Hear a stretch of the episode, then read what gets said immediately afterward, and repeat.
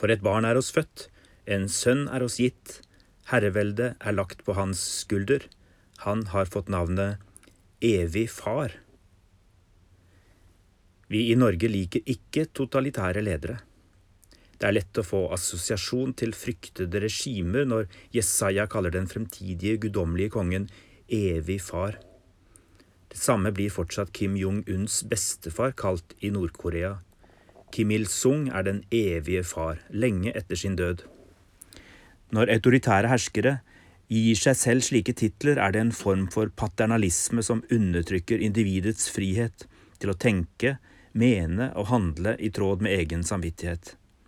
All religion, også kristendom, bærer i seg potensialet for undertrykkelse. Historien har mange eksempler på dette, selv om kirken ofte også dømmes for hardt.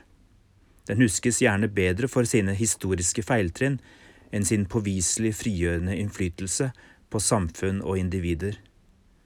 Men uansett hva kirkens ledere har gjort etter ham, Jesus Messias var så langt noen kan komme fra å være en maktsyk og undertrykkende farsfigur.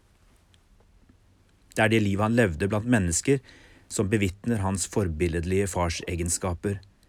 Kjærlig, omsorgsfull, tilgivende når mennesker feilet, en som så muligheter i barn, ungdom, kvinner og menn som andre regnet for verdiløse, en som ga frihet under ansvar og forventet at hans disipler skulle bære frukt.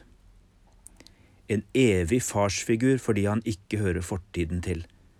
Jesus Kristus er i går og i dag den samme, ja, til evig tid.